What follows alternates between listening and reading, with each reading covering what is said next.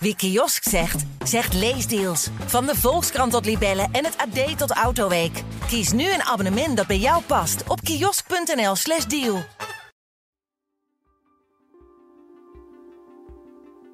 Hallo, Corrie Gerritsma hier. Leuk nieuws, we gaan het theater in met de Parool Misdaad podcast. Met Paul Vugts en Wouter Laumans praat ik over hun werk als misdaadjournalist. Wat drijft ze en hoe zijn ze in het vak gerold? En op welke manier is de misdaad de afgelopen jaren verhard? Hoe gevaarlijk is het eigenlijk om misdaadjournalist te zijn? Vrijdag 15 maart is de aftrap in Theater de Meervaart in Amsterdam. Kaarten zijn nu te koop via parool.nl/slash live.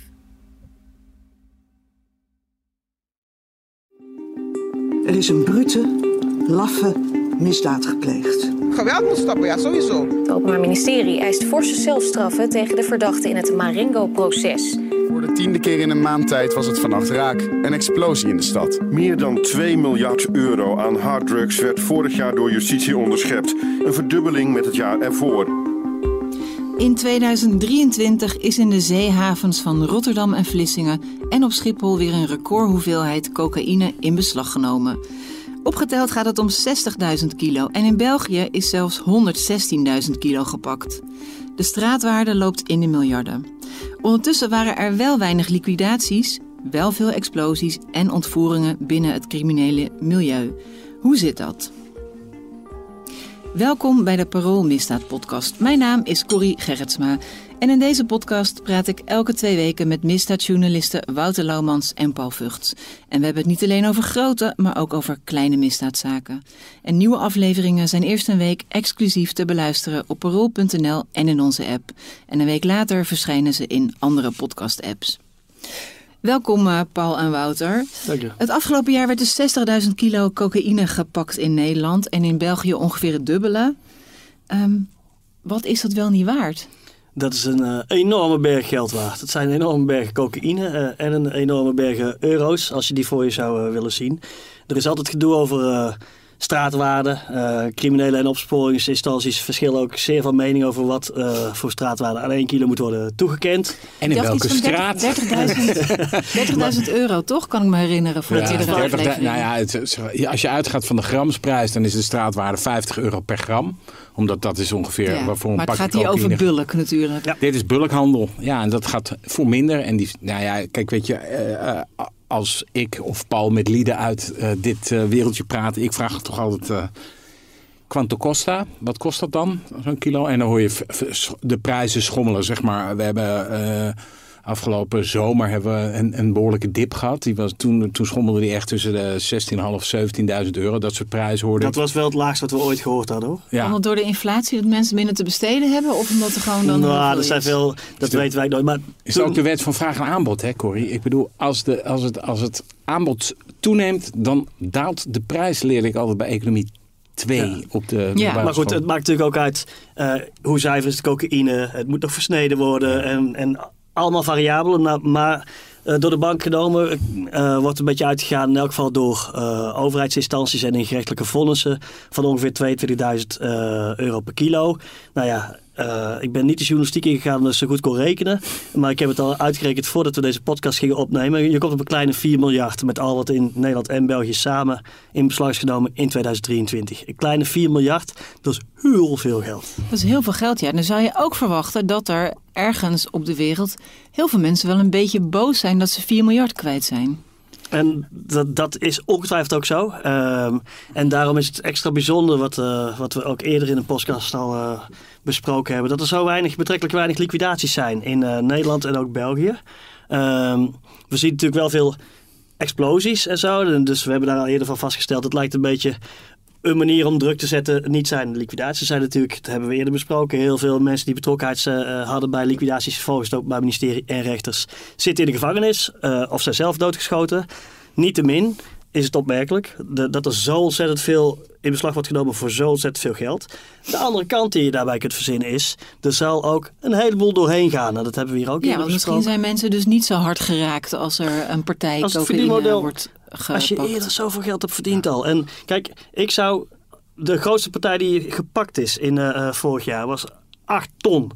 8 ton dat, eh, in kilo's. Eh, niet in guldens. Of in Ja, de 8 ton is euro's. 8000 kilo, toch? Ja. Ik waar het een beetje in de war van Sorry, die 8000 termen. kilo. Eh, en dat is ontzettend veel geld waard. Ehm, maar je kunt ervan uitgaan als een criminele organisatie 8 ton op de boot zet in één, in één bulk, in één eh, vracht. Dan gaan ze er kennelijk vanuit dat het kans heel erg groot is dat hij er doorheen komt. Ja, of Dus dat het dat- vaker gelukt is in elk geval. Met Juist. kleinere transporten. En of, doordat, eh, die, doordat het vaak gelukt is, zijn die eh, organisaties, die hebben al enorm vermogen. eh, en dus wordt de klap relatief minder hard. Kun je bedenken allemaal dan wanneer het 10, 15 jaar geleden zou zijn gebeurd. Want Ja. Even nog naar dat verschil, hè, dat in België zoveel meer kook gepakt is. Is dat gewoon omdat daar een grotere haven is? Nou, het- de, de analyse van ons is in elk geval dat ehm, België is een veel openere haven. Kijk, in Rotterdam hebben ze het redelijk...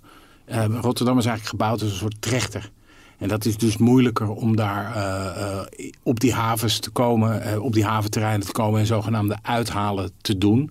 Ehm, ik denk dat Antwerpen een veel grotere draaischijf is voor de, voor de, voor de cocaïnehandel dan Amsterdam. En nou ja, ik bedoel, ik heb niet hele ha- ha- harde aanwijzingen ervoor, buiten dat, ehm, dat je in dossiers vaak, eh, in Nederlandse drugsdossiers ook, eh, Antwerpen een hele prominente rol speelt. Maar je moet ook even bedenken, die 4 miljard, dat is ongeveer de handel, die, ha- de handel die wij drijven met eh, China is volgens mij iets van 4 miljard. hè. legale Dat- handel. dat is, dit is het volume waar, waar, we, dus, waar we dus over Dan is praten. het wel echt schrikbarend veel geld, ja. Nee, maar dit is, dit is gewoon echt heel erg veel omzet. Ehm, goed, ja, en, en, en, wat Paul ook zegt, eh, en ik sprak eh, onlangs nog met iemand die eh, in dat wereldje, of nou, die dat wereldje een beetje kent. En daar hield ik ook tegen aan van, joh, die, die hoeveelheden in beslag genomen partijen, dat neemt toe. En het geweld, nou ja, goed, er zijn, er zijn veel aanslagen op woningen, maar de liquidaties nemen af. En diegene die vertelde mij ook van, ja, weet je, geweld is eigenlijk slecht voor de handel. En dat is wel, zeg maar, de gemeenschappelijke overtuiging in die handel inmiddels. Van, joh, als je mensen gaat do- doodlopen schieten, dan, ehm, dan, eh, dan, ga- dan, dan gaat het niet goed. Dan krijg je, maak je alle opsporingsinstanties wakker en dan komt iedereen achter je aan. Aan de andere kant is het zo eh, dat er bijvoorbeeld ook eh, best wat criminele ontvoeringen zijn. Van de week eh, Daar horen we eigenlijk niet zoveel over. Nee, we kregen van de week een filmpje eh, en dat zag eh, van zo'n ontvoering. En dan zie je dus een jongen die, een, eh, die naakt vastgebonden zit eh, ergens in een kelder. In Nederland. In, ja, dat, dat klonk eh, Nederlands en dat, dat zag heel Je verontrustend hebt net van uit. Nederlands gesproken ook. Ja, dat, nou ja, ik heb eh, toch, we hebben het Mhm. gezien. En je, nou, als ik zo'n soort filmpje zie, dan denk ik, och jongen, arme jongen, waar, waar, waar ben je allemaal in, waar zit je allemaal in, ben je allemaal in verzeild geraakt? Ik weet niet of dit dan te maken had met cocaïnehandel, daar wil ik vanaf zijn. Maar het was wel een heel verontrustend filmpje. En, en ja, dus de gewelddadigheid is niet helemaal weg of zo. Ja, het is misschien zegt- minder in het, eh, in het zicht of minder in het nieuws. Zo is het. En wat je eh, eh, terecht vraagt, eh, komt er dan veel niet in het nieuws? Dat is ja, heel veel eh, bereikt ons niet. Eh, veel bereikt sowieso aanvankelijk de politie niet. Proberen eerst partijen en families en zo het onderling op te lossen als het aan beide kanten criminele families eh, eh, zijn. We hebben nu, zitten we weer in een golfje waarin Wouter en ik de afgelopen weken, maanden echt behoorlijk wat over eh, ontvoeringen hebben gehoord. We hebben ook wel families gesproken van, nou ja, van waar een familielid was eh, eh, ontvoerd en gelukkig ook wel weer eh, opgedoken. Eh, dan hoor je, als je eenmaal over zoiets weer schrijft, komen er uit allerlei hoeken ook weer eh, nieuwe verhalen over nieuwe ontvoeringen die wel of niet te maken hebben met deze ene casus. En er zijn altijd verschillende theorieën over. Ik heb lang geleden wel eens de, een chef van de Amsterdamse recherche geïnterviewd die zich erover beklaagde dat, eh, ehm, dat er zoveel capaciteit ongezien en ongehoord eh, in die ontvoering ging zitten. Want zodra er natuurlijk iets levensbedreigend is, ja, dan ben je als opsporingsinstantie geen knip voor je neus waard. Als je niet gaat proberen te voorkomen dat iemand gemarteld of vermoord wordt. Eh, aan de andere kant, ja, zij zeggen, ja goed, eh, ze piepen pas als er iemand kwijt is. En anders willen ze nooit met ons praten. En soms zelfs als iemand ontvoerd is, willen ze niet met ons praten. Maar die vertelde wel eh, hoeveel groter het probleem was dan wij normaal zien. Doordat er gewoon door de opsporingsdiensten zelf meestal geen rugbaarheid aan wordt gegeven. Tenzij families dat heel graag willen. Dan komt het op opsporing verzocht. En eh, Ja. eh, nou ja, dan wordt daar wat meer eh, Ja, maar, eh, eh, is- geïnvesteerd. wat Paul zegt is waar. Eh, Na zo'n ontvoeringsverhaal krijg, je- krijg je gelijk inderdaad weer een, eh, een mailtje van... ja, dit is, eh, dit is ook bij mij aan de hand. Wat is, wat is er aan de hand? En de eerste vraag die eigenlijk wij altijd stellen is van... goh, zit degene die eh, ontvoerd is Eh, zit hij eh, in het avontuurlijke milieu, om het zo maar eens Handelt hij in drugs? Is hij in een conflict eh, verzeild geraakt? Dat soort vragen. En de antwoorden zijn altijd hetzelfde. Nee, niet dat wij weten. Ja, en dan, dan houdt het ook best wel snel weer op. Want dan denk je, ja, wat kunnen wij er dan, dan eigenlijk mee? Want je weet eigenlijk helemaal niks. Soms kan het helpen als wij er op een gelijke manier rugbaarheid aan geven. Kijk, volgens natuurlijk wel een nieuwsfeit. Een ontvoering is een nieuwsfeit. Ja. Dus het is journalistiek legitiem om erover te schrijven.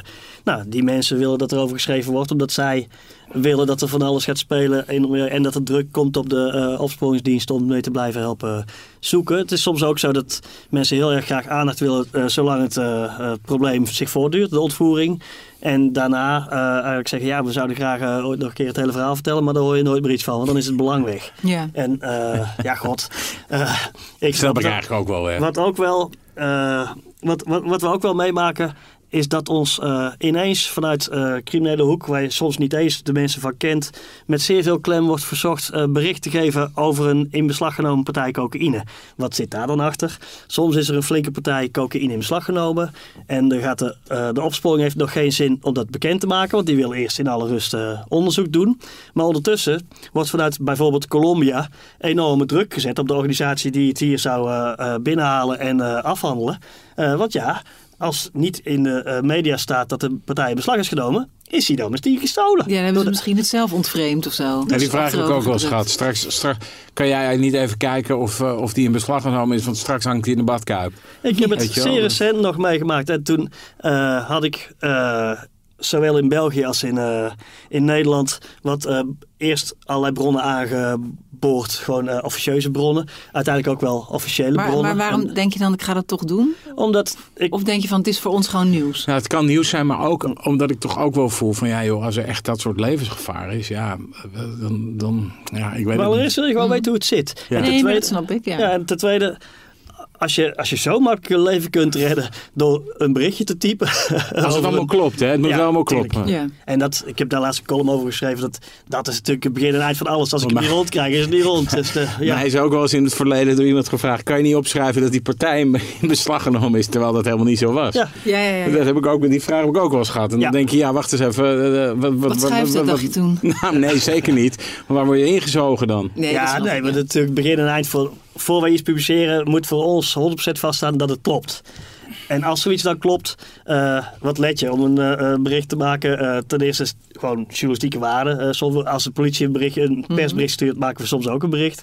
Eh, eh, het is daarbij niet, het is Ik niet voel het wel altijd een beetje ongemakkelijk. Ja, en Het dat, wel altijd een beetje dat is het hele punt. ergens. Daar ging mijn column toen ook over. Van, ja, eh, ineens word je ergens ingezogen waar je niet te thuis hoort, toch? En eh, ineens zijn, dan belt er iemand eh, nou ja, die dan bekend staat als een zware crimineel. En die is ineens super vriendelijk. En eh, eh, zou je alsjeblieft zus en zo. En, dan, ik, nou ja, dan leg ik de regels uit. Lever me alles wat je kunt leveren aan feiten die ik kan, kan checken. En dan ga ik daarmee de boer op. Ja, soms levert dat niks op, soms eigenlijk zou je ook moeten vragen van, joh, geef het dan de volgende keer ook even door als het wel gelukt is. Dan kunnen we jou aan het transport koppelen. Dan kunnen we ook even statistieken gaan maken van hoe vaak het lukt. Dan kunnen we ook even waarde eh, aangeven aan hoe groot iemand daadwerkelijk is. Ja, want toch nog even terug naar die kilo's. Hè? Want Ja. ehm, heb- heeft iemand dan in Nederland enig idee hoeveel procent van die cocaïne wordt tegengehouden? Ze zeggen, Hebben we het over 5 of 10 of 0, met een iets? hele grote natte vinger eh, zeggen we 20 procent. Ja. Dus dat is Maar 1,50. dat vind ik dan nog best wel weer eh, positief veel of zo. Jawel, maar als je dat tegenover stelt. Dus we hebben net gezegd dat er ongeveer 4 miljard eh, in beslag zou zijn genomen met die bepaalde straatwaarde die we dan maar even aanhouden. Als er dan dus ook 16 miljard eh, in het eh, milieu is eh, gebleven, dan is het nog steeds wel weer heel veel. Ja, maar een kans van 1 op 5 doorgegaan. om je partij kwijt te raken is best wel veel. Ja, maar, ja, maar niet als je 16 miljard hebt gewonnen een ander jaar met z'n allen. De analyse natuurlijk van die hele grote partijen is ergens ook, die prijs daalt. Dus om uit de, dus de prijs van een kilo cocaïne, als die laag is, dan moet je om hetzelfde te verdienen, moet je meer gaan vervoeren. Want anders dan levert het niet op. Dus de, een dalende cocaïneprijs zal, zou in principe, eh, dat is toch ook een soort economische Ik wet. wou het zeggen, dit is de economie Ja, van ja, ja, economie van de Ja, straat. Eh, daar zou in Keynes, principe, hè, Keynes. Ja, zou in principe natuurlijk moeten zorgen. ervoor- Dan, mo- om, om dezelfde verdiensten te halen, moet je, moet je bulk gaan stampen. Ja. Eh, kijk, vroeger was je echt wel een hele grote meneer eh, als je 200 kilo eh, naar binnen had getrokken. Echt. En dat is, eh, nog niet eens zo heel lang geleden. Dat is echt tien jaar geleden. Was, was 200 kilo zo. Nou, dat, Dat was was een echt. recordvangst. Nou, nee, maar daar, daar, daar ging je als journalist ook wel echt mee aan de slag. En nu denk je, ach. En de 200 aanleiding kilo. voor die enorme onderwereldfeiten waarvan de liquidaties in de staatsliedenbuurt ooit de katalysator waren. Dat ging om 225 kilo in beslag genomen kook. nu niet heel erg aan de grote klok gehangen door de Belgische opsporingsdiensten. Er was achteraf Ja. wel een berichtje over verschenen. En toen is de onderwereldoorlog met, met 20 liquidaties en, en weet ik hoeveel jonge gasten die eh, eh, vastzitten tot gevolg. De- en nu, Ja, dat is waar eenmaal. Maar nu, nu hoor je partij. En 8 ton. 8 ton. Ja. Dat is, ik bedoel, van, van 200 kilo naar 8 ton. Dat is, dan, dan is er iemand, nou ja, zoals ze dat in het milieu noemen, behoorlijk aan het stampen. Laten we nog even naar die 8 ton en naar hoe die kook dan in de, bijvoorbeeld in de Nederlandse haven wordt aangetroffen. Want eh 8 ton kook, ik ben niet zo goed in volumes. Moeten we dat omrekenen naar melkpakken, hoe groot het is? Weet je, zijn het een paar Een boodschappenkarren? kilo, is een het kilo een kook, container? 8 Is ton het- kook, dat is wel een paar pallets. ja. Ja, dus een, Een paar kilo, pallets 8000 moet je ergens suiker. verbergen. Zijn- Is er iets over te zeggen Ja. tussen wat voor spullen dat gevonden Nou wordt? Of één blok, dat kennen we wel. De, de- dat is Ja. zo zo'n ingetaped eh, Die plat zie je vaak bij de politieberichten staan inderdaad. Ja, Op zo'n zeiltje ligt het dan allemaal. Ja. Ik heb ze ook wel in het echt gezien. Nou ja, er zijn een paar eh, eh, verschillende methodes. Wat je heel vaak hebt is in de, in de containers, in het, eh, het gedeelte van de koeling. Als we, dan hebben we het over fruittransporten, gekoeld eh, transport. Daar is gewoon ruimte. Daar waar de koeling en zo is. Ja, op zo'n groot schip is, is drie pallets natuurlijk echt peanuts. Nee, één container. Je moet al heel goed weten waar die container staat. En waar in de container die eh, doop zit. Maar dat is één, één methode die veel wordt eh, gezien. Een tweede methode, gewoon speciaal geprepareerde verborgen ruimtes in eh, ehm, containers. En een derde is nog gewoon de klassieker. Eh, tussen de bananen of de ananassen, tussen vers fruit. Eh, Ja. En dat, dat is ook weer de reden waarom soms hele fruitbedrijven eh, verwikkeld raken in deze hele shit. Omdat, ehm, kijk, fruit heeft als groot voordeel eh, dat het vracht is die niet te lang in de haven moet blijven. Dus je hebt niet eindeloos de tijd om dat allemaal eventjes te gaan zitten eh, checken. Ja. Alle ladingen. Want dan gaat eh, de haven van Rotterdam of de haven van Antwerpen. Er zijn vast afspraken over dat het zoveel dagen... Ja, en nu hebben ze tegenwoordig weer allemaal meer scanners en zo. En tegenwoordig wordt ongeveer 40% eh, meer van de containers in Rotterdam gescand met apparatuur dan twee jaar geleden. Dus er wordt wel, het is van tweeën, het is allebei tegelijk waar. Er wordt meer gecontroleerd en er worden dus ook meer ehm, theorieën ontwikkeld over waar die cocaïne eh, zit. Welke methodieken worden gebruikt, want dat wisselt ook steeds. Er is ook lange tijd een methode geweest dat er een container werd gekloond, zeg maar. Dus dan werd de container even apart gezet en dan ging er een andere container met dezelfde uiterlijke verscheidingsvorm, zeg maar, naar de scan. Oh, daar zat niks in. En dan pikte iemand de oorspronkelijke container weer op en zo. Nou ja, ik vertel het nu je hebt kort. wel een hoop medewerking nodig ook in zo'n haven. En dat kost geld, hè? Dan moet je kunnen. corrupte mensen hebben. Het makkelijkste is natuurlijk als je een corrupte douanebeambte, dat Ja. is in het verleden ook gebeurd in Rotterdam. Die, klikt, eh, die bepalen welke containers wel en welke containers niet eh, eh, worden gecontroleerd. En die kan eigenlijk met één muisklik kan die beslissen, joh, die container die gaat op groen, die, hoeft, die is oké, die gaat er doorheen. En kijk, als je zoiets hebt, ja, dan hoef je die, die, die, die blokken kook niet tussen de banaantjes te proppen. Dan douw je gewoon een hele container vol met die ellende. En dan, dan, dan gaat hij er toch wel door. Ja. En dat is eigenlijk, de, dat is eigenlijk wat, wat ze in het wereldje vinden ze dat het prettigst. Want dat is eigenlijk een loterij zonder nieten. Dat kan je Ja. niet verliezen. Ja. En dat is in, in 2016 en 15 zijn er ook wel echt wel, is het beeld wel geweest dat, dat, dat ja, drugscriminelen daar gruwelijk grote partijen drugs mee hebben, hebben kunnen doorlaten. En daarom is het nu ook. eh, het, het antidrugsbeleid van de overheid heeft meerdere sporen. Eh, en er is onder de druk van de enorme partijen die binnenkomen afgelopen jaren echt wel meer gebeurd aan beveiliging van havens. Straffen voor uithalers zijn serieus, terwijl ze vroeger konden ze 95 euro boete krijgen als ze ergens waren waar niet mocht. Dat is hetzelfde als wanneer je zit te bellen op de fiets, zeg maar. Dat is Ja. zelfs ook al verhoogd, die boete trouwens. Ehm, die straffen op uithalen zijn ook eh, zijn celstraffen geworden nu. Eh, je ziet dat ze eh, erg zitten bezig zijn met anticorruptiezaken, zoals gewoon elementaire dingen. En, en het is, als je het hoort, denk je, hoezo was het niet al 30 jaar zo? Maar dat mensen wordt gezegd, ga niet na je dienst in je haven, herkenbare havenuniformpje, een biertje drinken eh, in de kroeg. Want als het de kroeg is waar ook criminelen zitten, dan weten ze, hé, hey, die werkt in de haven, die kunnen we misschien eh, Ja. eh, betrekken bij ons kaartspel, schulden laten opbouwen en dan erin haken, corrupt contact. Iets anders, deze week zijn... eh, die cijfers waar we het nu over hebben, die zijn vrijgegeven door de douane. En uh, die hebben het dan ook over allerlei nieuwe methodieken. Uh, behalve analyseren van methodieken van de boeven, hebben ze ook eigen uh, methodes. Dus onderwater robots, slimme camera's, drones. Ook de overheid krijgt meer, meer zaken. Alleen als je dat zijn, van twee, dat zijn communicerende vaten. Als je die corruptie niet weet aan te pakken, ja, dan kun je dweilen met de kraan open met een heel erg leuk, spectaculair een onderwater uh, robot. Uh, maar dan, dan heb je alsnog te weinig uh, impact. Dus ja. het moet allemaal tegelijkertijd. Er staat de container nog steeds op groen gezet. Nou ja, wat, wat mij wel opvalt, is dat uh, kijk, er is een, de uithalerswet is er dan, weet je al. Uh, en die moet uh, tegengaan dat die knapen. En, en, en afgelopen week was er volgens mij voor het eerst was er een primeur, was er voor het eerst een vrouw in zo'n container gepakt. Um, en die moet dat allemaal voorkomen. Maar ja, weet je, dan lees je de nieuwsberichten lees je dan. En dan lees je een jongetje van 13 opgepakt in, ja. zo'n, in zo'n uithaalcontainer. Nou, en dan denk je toch wel van wauw, weet je, wat, hoe, hoe, is, hoe is dat dan? Dan ben je echt nog net van de lagere school af, om het ja, zo maar te zeggen. Met je, met je grote broer mee of zo? Zit je, zit je in zo'n container te wachten tot je, tot je een uithaal komt? Nou, ja, dat is misschien ook voor de duidelijkheid wel goed om aan te vullen. In containerwacht. Het is niet het is niet meer zo uh, even over een hek klimmen of over een gat knippen, uh, naar die container uithalen en weer weg. Ze zitten vaak, je hebt een soort hotelcontainers, heet dat. Dus dan zijn er andere containers aangemerkt door de organisatie van dan moeten die jongens daar eerst in. Dan moeten ze rustig blijven wachten. Ongezien, een paar nachten. Uh, daar zitten ook soms uh, allemaal voorzieningen in. Uh, de ene keer meer dan de andere. Een wc, eten, ja, je, moet daar, je moet daar eten, je moet daar slapen, je moet daar pissen. Gezien, beelden van gezien, zeker wel.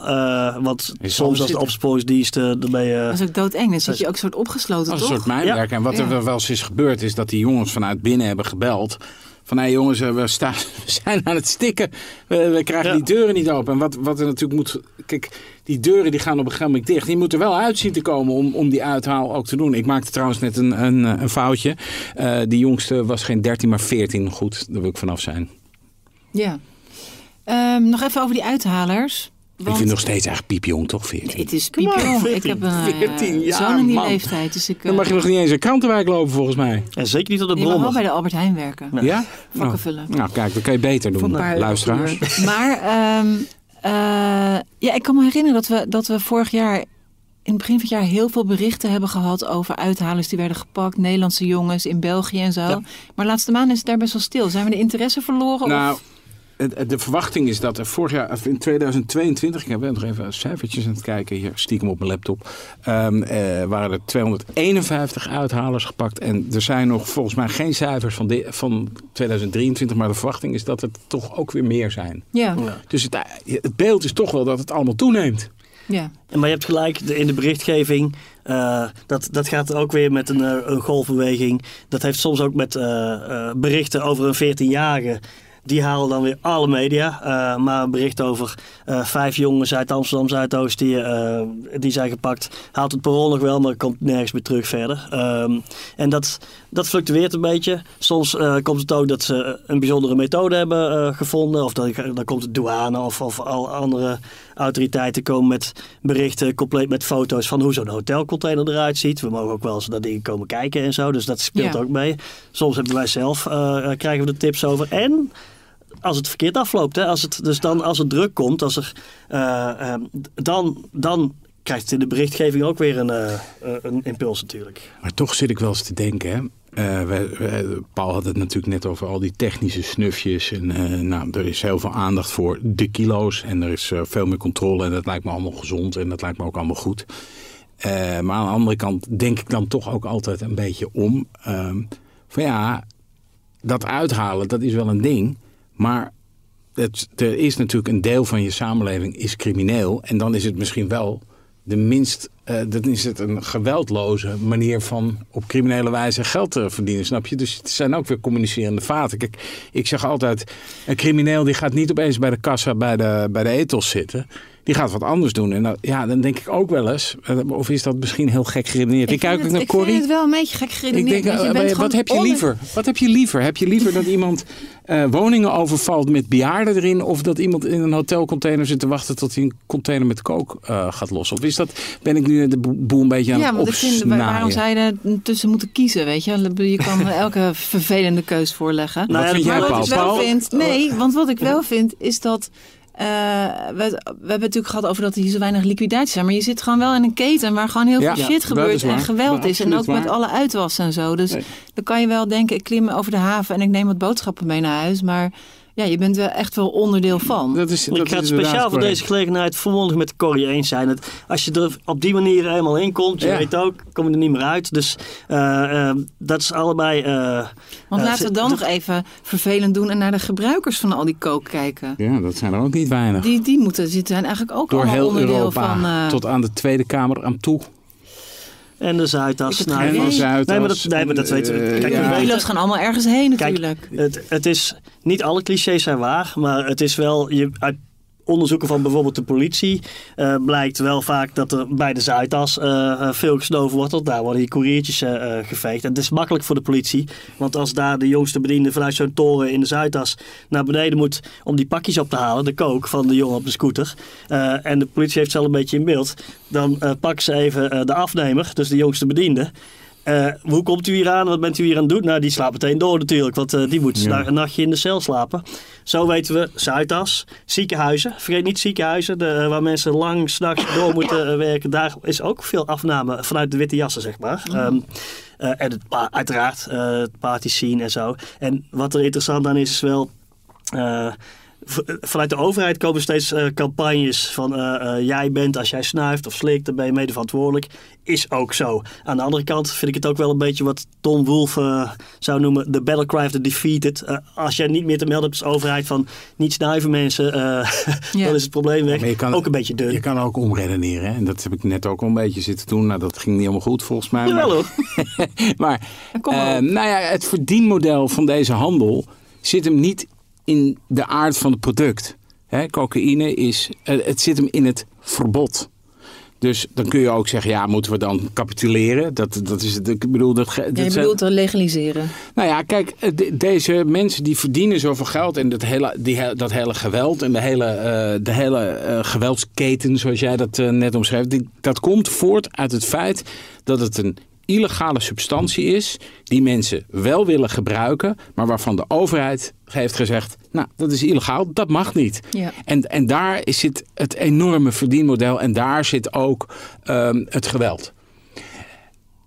Femke Halsema heeft natuurlijk onlangs eh, ook betoogd van... joh, kijk daar eens een keertje naar. Eh, en ik bedoel, legalisering, het gaat niet gebeuren. Hè? Maar het is, het is bedoel, natuurlijk we wel... kunnen nu de blowende toeristen al niet eens Nee, aan. maar het is, het is natuurlijk net zo als dat je denkt van joh, eh, die criminaliteit, eh, wat heb je liever? En dat is natuurlijk een beetje een flauwe vergelijking. Maar wat heb je liever mensen die in een, container zitten te wachten tot ze wat, wat ro- rommel eruit kunnen halen of, of eh, woningen overvallen? Dit is natuurlijk net zo'n soort vergelijking dat je denkt van ja, jongens, het, het, het- de ellende zit hem echt in het verbod. Het probleem is, Wouter en ik zijn het denk ik allebei wel met Femke Halsema eens. Dat in een ideale wereld was het gelegaliseerd gewoon. Dan ben je van die shit af, weet je. En, en zoveel ongezonder dan bijvoorbeeld sterke drank of eh, andere alcohol is het ook weer niet. Als je het een beetje gecontroleerd kunt gebruiken.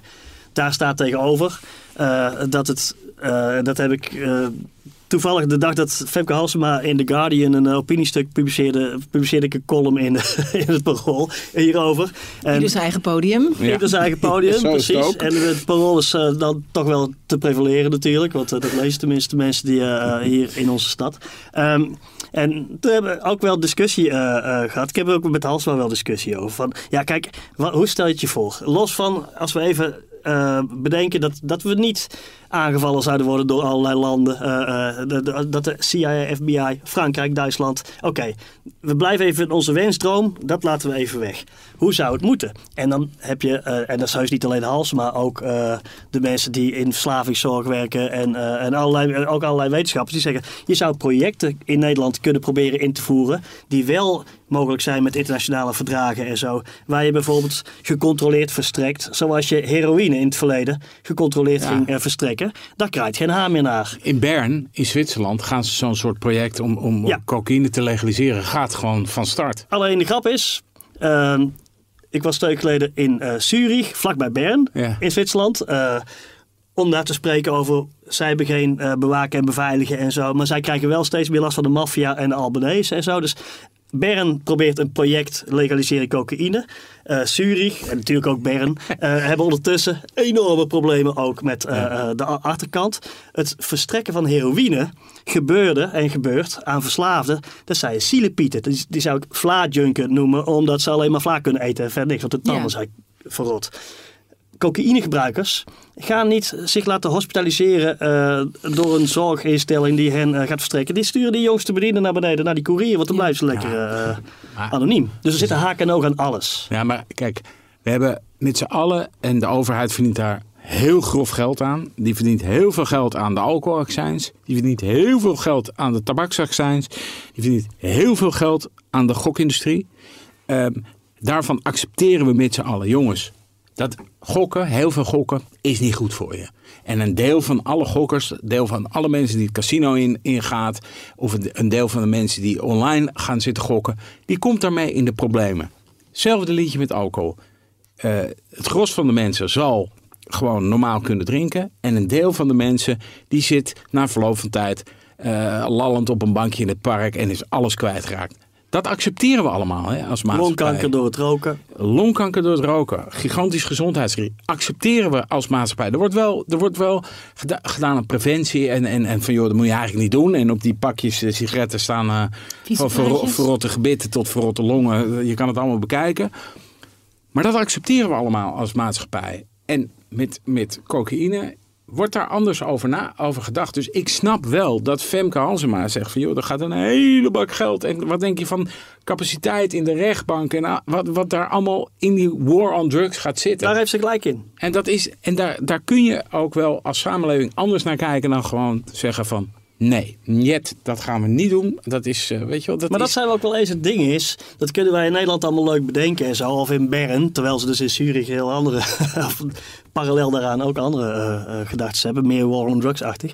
Ehm, het, het, de maakbaarheid van de samenleving. het gebrek aan maakbaarheid van de samenleving op dit. Eh, wordt hier zo weer duidelijk. Omdat Nederland is geen eilandje in de wereld op zichzelf dat dat zomaar kan doen. En op een andere manier komt het ook weer in de drugcijfers. Ik denk dat we langs naar het einde gaan, maar deze wil ik nog even maken. Ehm, je hebt eh, heel veel. De, de overheid is heel erg bezig met Colombia als bronland. Dus Colombia, Peru en Bolivia zijn de belangrijkste bronlanden van eh, cocaïne. Dan heb je doorvoerlanden, Ecuador, Brazilië, Costa Rica. Nou ja, we kennen ze allemaal wel. Ehm, heel veel bezoeken daaraan. Kijken of je kunt samenwerken. Nu was het goede nieuws van de eh, douane dat bij deze cijfers waar we het over hebben hoort. Dat met Brazilië veel samenwerking is. En de, vanuit Brazilië komt nu veel minder cocaïne. Daar voeg ik dan graag aan toe, met pijn in mijn hart, dat vanuit Ecuador, zeg maar een paar straten verderop, vanuit Ecuador bergen cocaïne komen. Ja, de dossiers die, Ecuador dossiers die wij eh in die havenstad Guayaquil. Of, Guayaquil. Ja. Ik ben daar geweest. Prachtig, hartstikke leuk. Tien jaar geleden was het leuk eh, met z'n tweetjes gewoon met mijn vrouw in Guayaquil rondhangen, eh, stappen en zo. Je hoeft niet s'avonds elke straat in te lopen, maar je kon daar prima leuk en veilig zijn. Quito, de hoofdstad, idem dito. Nu, Brazilië gaat het kennelijk beter en dat is allemaal met internationale samenwerking. Maar dan zeg ik ook, Ecuador is een narco-staat geworden. Daar is nu een burgeroorlog. Daar, zijn, eh, daar is het, het leger aan het vechten Ja. tegen de criminele organisaties. En die tweede, die winnen. Eh, dus het is ook daar het waterbed-effect. Eh, dus je kunt, het is allemaal niet zo goed te sturen. Tenzij je internationaal, wereldwijd, stopt met die war on drugs. Zou ik voor zijn. Maar dat- ja, god. eh, men haat mij als ik zeg dat, het- dat ik dat een wensdroom vind. Maar Ik ga toch. Ik gaan- begreep dat de, de Rotterdamse burgemeester Abu Taleb en Bart de Wever, de burgemeester van Antwerpen, dat die binnenkort naar Ecuador zouden gaan om daar eens even te kijken hoe het gaat. Maar ik denk dat die trip Dat wel een beetje wordt, afgelast nu. Oké, we gaan joh. hierbij laten, heren. Ik ga nog één, één, ik wil nog één voorspelling van jullie weten. Volgend jaar recordvangst drugs, ja of nee? Oh, joh, ik verlies weddenschappen altijd. Ik denk ja.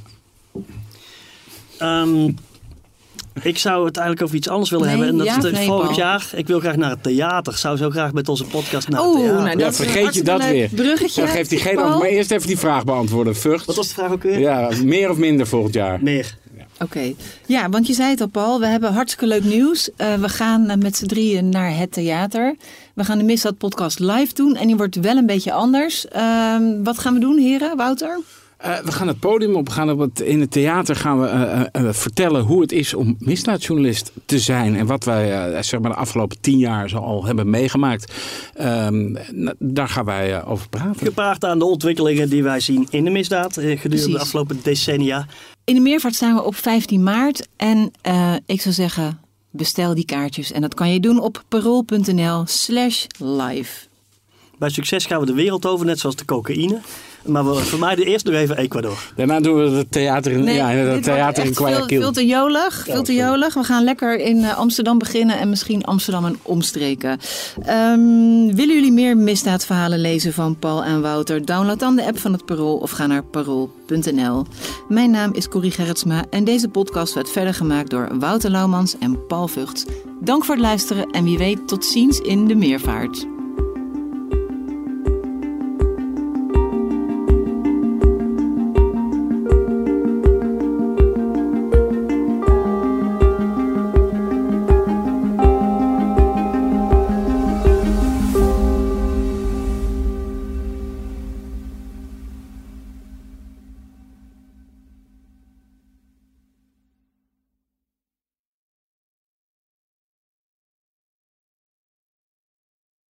Hallo, ik ben Camilla Leupen, hoofdredacteur van Het Parool. Heb je genoten van deze podcast? Dan vind je onze artikelen misschien ook interessant. Een abonnement heb je al voor een paar euro per week. Je kan het ook eerst een paar weken proberen. Ga naar parool.nl/slash podcastactie voor een actuele aanbieding. Dag! Wie kiosk zegt, zegt leesdeals. Van de Volkskrant tot Libellen en het AD tot Autoweek. Kies nu een abonnement dat bij jou past op kiosk.nl/slash deal.